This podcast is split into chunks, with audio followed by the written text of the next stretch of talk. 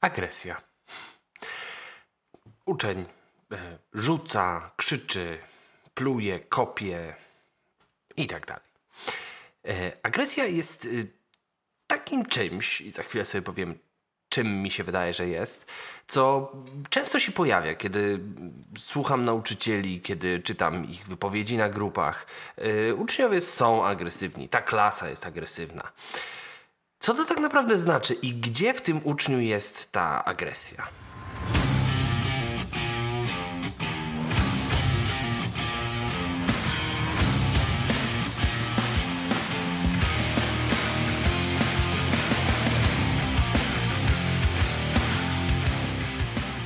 Problem z agresją dla mnie jest y, problemem, który y, pokazuje pewnego rodzaju sposób myślenia, o tym, w jaki sposób my reagujemy albo powinniśmy reagować w sytuacjach, kiedy ktoś zachowuje się inaczej niż tego od niego oczekujemy.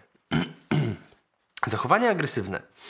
Wtedy, kiedy uczeń właśnie kopie, krzyczy, rzuca, pluje itd., tak e, prowadzą osoby uczące do takiej konstatacji jest agresywny. E, no bo widzą, że ta reakcja powtarza się e, co jakiś czas. Mniej lub bardziej regularnie. Im bardziej regularnie, tym bardziej stwierdzamy, że jest agresywny albo jest agresywna. E, problem jest taki, że mm, my w tej psychologii mamy kilka takich rzeczy, które e, są bardzo niejednoznaczne. E, na przykład nie wiemy, co to jest uśmiech. Na przykład nie wiemy, co to jest płacz. No i nie wiemy, co to jest agresja. E, nie wiemy, dlatego że mm, są takie reakcje, które e, powtarzają się w bardzo podobnych sytuacjach.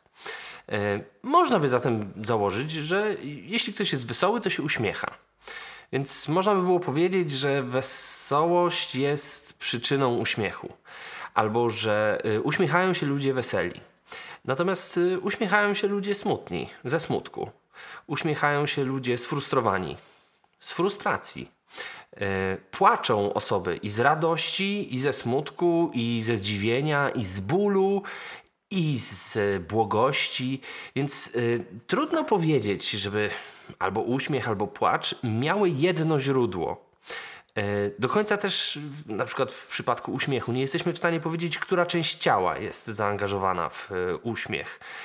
E, bo no, ostatnie lata, kiedy wszyscy chodziliśmy w maskach i potrafiliśmy rozpoznać, kto się uśmiecha czy nie, e, wskazują na to, że e, usta nie są potrzebne do tego, żeby się uśmiechnąć.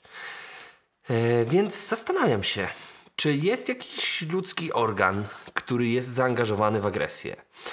Czy jest jakaś emocja? Czy jest jakiś bodziec, który zawsze agresję powoduje?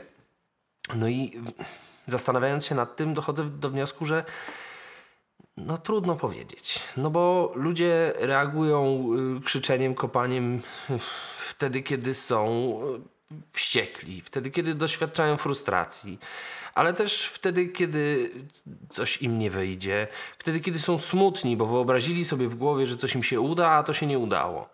E, kopiemy z radości, kopiemy ze zdziwienia, e, krzyczymy z niezrozumienia, albo też y, krzyczymy wtedy, kiedy ktoś, po kim się nie spodziewaliśmy, że nas zrozumie, nas zrozumiał.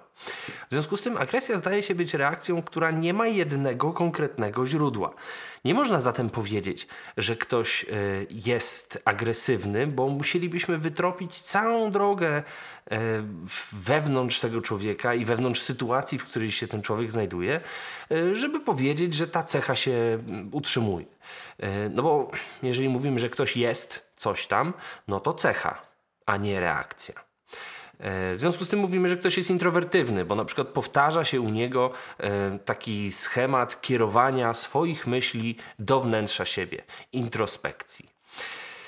E, problem z agresją jest też taki, że wtedy, kiedy diagnozujemy ją u kogoś, to czujemy, że zdiagnozowaliśmy coś, że określiliśmy jakieś zdarzenie, że zrozumieliśmy.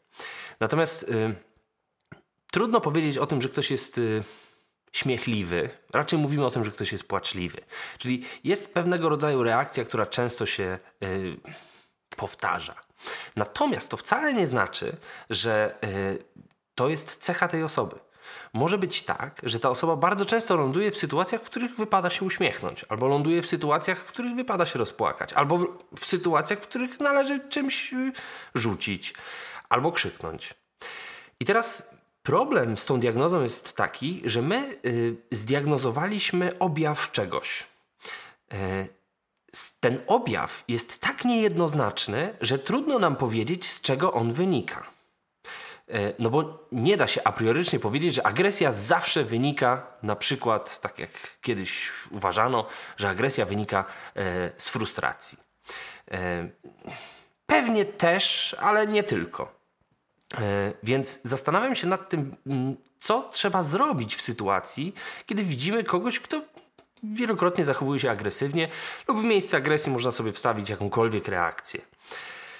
No i teraz problem jest taki my mamy taki, taką granicę. I ta granica jest ważna.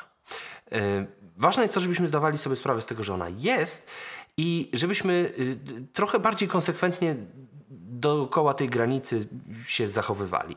Bo jeżeli my na przykład widzimy osobę, która często reaguje agresją, yy, to z tego co widzę jest taki trend, żeby tą osobę zacząć głębiej diagnozować. Natomiast ta diagnoza zwykle y, jest oddawana specjalistom. Na przykład kierujemy kogoś do poradni albo do szkolnego psychologa, pedagoga, innego specjalisty. Y, albo w ogóle stawiamy rodziców przed problemem, dziecko agresywne, proszę coś z tym zrobić. No i taki rodzic znów albo idzie do poradni, albo do specjalisty, y, albo samemu zaczyna pracować z objawem. To tak jakbyśmy przyszli do lekarza i powiedzieli: Boli mnie. No, ale co? I dlaczego? I, I, z czego to wynika? Jakby zadaniem lekarza byłoby dojść do tego, z czego ten ból wynika. Zadaniem osoby diagnozującej, e, na przykład zachowania agresywne, byłoby dojście do tego, z czego te zachowania wynikają. Natomiast to, co obserwuję bardzo często, to to, że uczniowie, którzy w sytuacji szkolnej są diagnozowani jako ci agresywni, e, tacy nie są w trakcie korepetycji, w trakcie zajęć indywidualnych, na basenie, na koniach, y, na angielskim.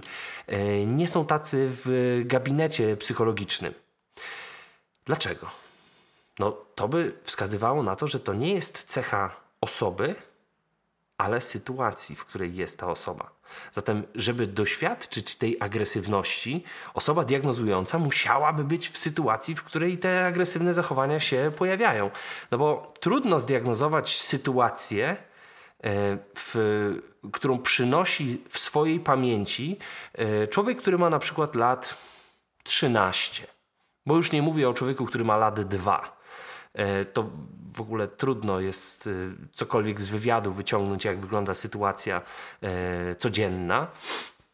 Nawet u ludzi, którzy mają po 40 lat, trudno powiedzieć na podstawie ich opowieści, co w sytuacji budzi ich zachowania agresywne. W związku z tym, to co diagnozujemy, jest y, przesunięte. To znaczy, my zakładamy sobie, że jeśli ktoś zachowuje się w sposób agresywny, to w nim jest coś takiego, co tą agresję powoduje, i jeżeli przeniesiemy tego człowieka do jakiegoś środowiska diagnozującego, y, no to ten diagnosta to zobaczy. No, prawdopodobnie nie. Prawdopodobnie zobaczy pewnego rodzaju schemat zachowania, ale to wcale nie znaczy, że, y, że widzi to, co się dzieje na przykład w klasie. W związku z tym, jeśli diagnozować, no to nie tą osobę, a raczej sytuację, w której ta osoba jest. I mm, absolutnie zgadzam się z pierwszą myślą, bo ja też mam taką pierwszą myśl. Jak je mam diagnozować, jak on biega, krzyczy, kopie, pluje, yy, rzuca i tak dalej. To nie jest moment na diagnozowanie. Natomiast, y, no bo to jest moment na zachowanie bezpieczeństwa. Tu jakby żadnych działań ani terapeutycznych, poradnianych, y, żadnych wielkich tutaj oddziaływań nie zrobimy, poza tym, żeby zapewnić bezpieczeństwo. Wtedy, kiedy opadną, y, opadnie napięcie, no bo nie do końca nawet wiemy, jaka emocja, czy emocja. Jeśli opadnie napięcie, no to wtedy możemy się zastanawiać nad tym, co się wydarzyło, ale nie w tej osobie, tylko w sytuacji. To ma szczególne znaczenie wtedy, kiedy e, stosujemy opis nie tylko wobec jednej osoby, ale wobec całej grupy. Dlatego, że e, zachowania agresywne rzadziej zdarzają się wtedy, kiedy osoba jest sama. Częściej zdarzają się w sytuacji społecznej. W związku z tym w tej sytuacji społecznej musi dziać się coś takiego, co u jednej z osób lub u większej ilości osób powoduje zachowania agresywne. To może czasem prowadzić do tego, że mówimy, że cała klasa jest agresywna, albo cała klasa jest leniwa, albo cała klasa jest y, głośna, y, przeszkadzająca, trudna itd., tak itd. Tak Natomiast koncentrujemy się na cesze, a nie na sytuacji. Badania w psychologii powielokroć pokazały, że dużo większy wpływ na nasze zachowanie ma sytuacja, w której jesteśmy, a nie cechy osób, które są w tej sytuacji. Zatem coś musi być w tej sytuacji. Pytanie, jak to zbadać? No i to jest dość istotna kwestia, dlatego że e, jeżeli badamy osobę, jeżeli badamy e, na przykład osobę, u której podejrzewamy jakieś zaburzenie, no to potrzebujemy specjalistycznej diagnozy w tym kierunku. Potrzebujemy, żeby ktoś, kto jest specjalistą, na przykład od tego zaburzenia, sprawdził, czy to zaburzenie występuje u tej osoby. Natomiast samo sprawdzenie tego i sama nawet nie wiem, terapia albo jakaś nawet grupa wspierająca y, trening umiejętności społecznych albo coś takiego, nie zawsze przynosi efekty. Dlatego, że y, zmieniamy osobę, ale nie zmieniamy sytuacji. W związku z tym ta osoba reaguje może w trochę inny sposób, ale dalej źródło tych zachowań agresywnych, które albo wyciszamy, albo y, wprowadzamy zachowania alternatywne, albo cokolwiek innego. Źródło dalej jest. I teraz, jeżeli kierujemy osobę do diagnosty, który ma zdiagnozować tą osobę, to on to zrobi. Ale to niewiele nam powie o sytuacji. I teraz istotne jest to, że w tym diagnozowaniu i w tym wpływie na tą osobę są pewnego rodzaju mm, stopnie. Pierwszy stopień to jest y, działanie nieprofesjonalne. Bardzo często skuteczne. Bardzo często uważam, bardzo często widzę, e, że e, to nieprofesjonalne oddziaływanie e, wprowadzane na przykład przez woźnych, przez osoby sprzątające, przez osoby wydające posiłki na stołówce itd. Tak osoby, które niekoniecznie mają przygotowanie pedagogiczne, nie są profesjonalne w tym, co robią, ale mają dobre i szczere intencje i bardzo często ta nieprofesjonalna pomoc jest wystarczająca. Bardzo często taka nieprofesjonalna pomoc to jest to, co przychodzi od rodziców posłucham, e, dopytam, odzwierciedlę emocje i tak dalej. No może odzwierciedlę emocje to już jest na granicy profesjonalizmu, tak? E, natomiast jest pewnego rodzaju naturalnym odruchem, który u niektórych osób pozostaje mimo uczenia społecznego. Kolejnym stopniem jest pomoc profesjonalna. Pomoc profesjonalna to znaczy taka, która płynie od osoby, która e, jest w profesjonalnej sytuacji, to znaczy ma cel, ma narzędzia i wie, że ta sytuacja ma początek i koniec. Zwykle wtedy, kiedy cel zostanie osiągnięty. Ten rodzaj pomocy nie, nie zawsze jest wystarczający. Na przykład wtedy, kiedy faktycznie osoba y, doświadcza jakiegoś zaburzenia. Wtedy kierujemy do y, profesjonalisty, specjalisty, na przykład do psychologa, który diagnozuje głębiej, odkrywa pewne rzeczy. Jeżeli y, z tych odkryć wynika, że faktycznie jest zaburzenie, kierujemy taką osobę albo e, do poradnictwa psychologicznego, albo do terapii. Natomiast co robić, kiedy to nie osoba, a sytuacja jest źródłem na przykład zachowań agresywnych? No przecież nie wyślemy sytuacji do psychologa.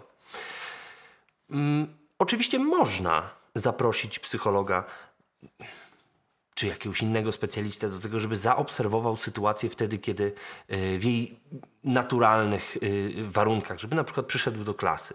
Natomiast bardzo często efekt obserwatora powoduje, że e, sytuacja się nie powtarza i nie ma szansy jej zaobserwować. W związku z tym jedyną osobą, jedynym profesjonalistą w całym tym zamieszaniu, który ma dostęp do sytuacji i jest w stanie ją diagnozować, jest nauczyciel, który uczestniczy w tej sytuacji.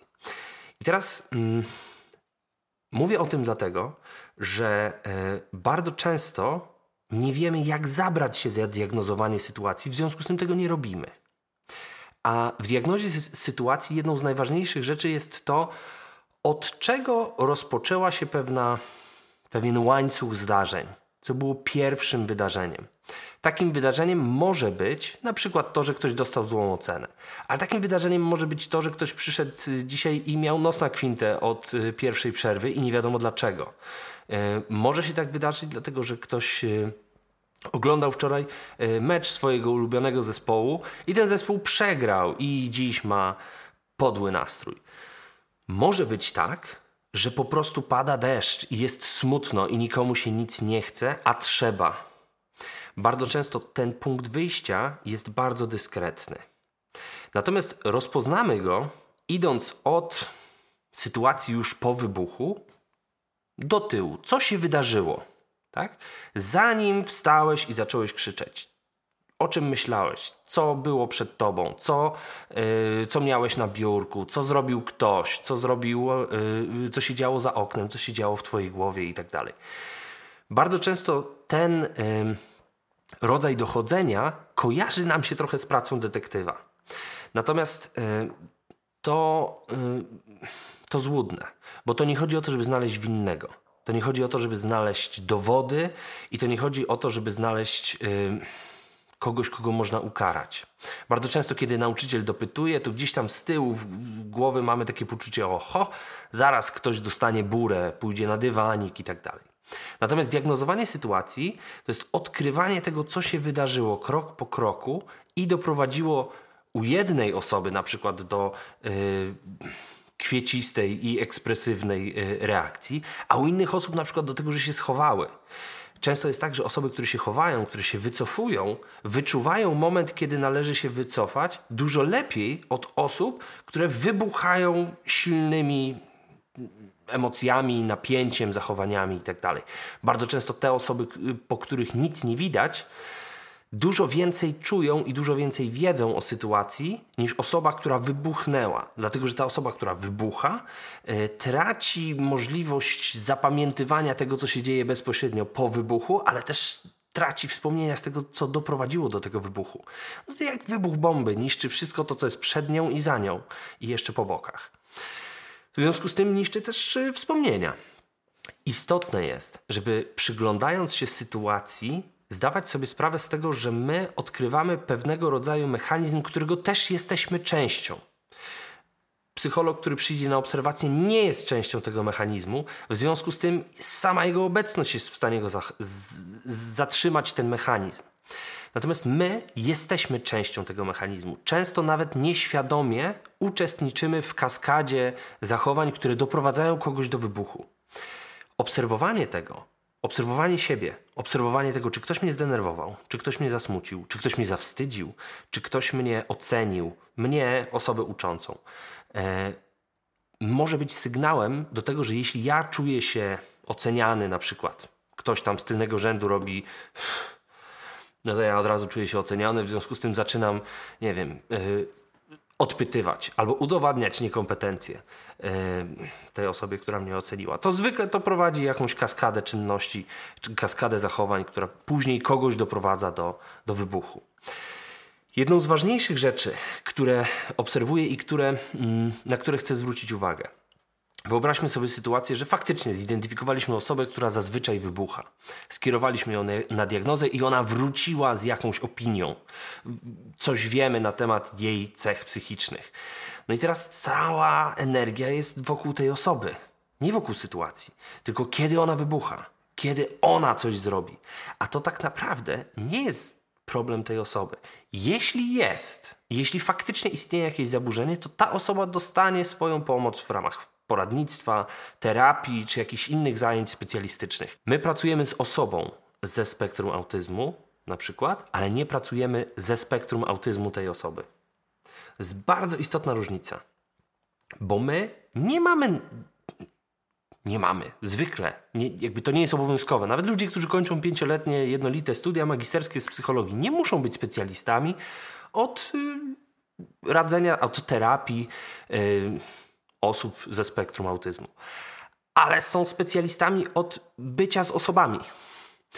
I to to bycie z osobą jest bardzo, bardzo kluczowe.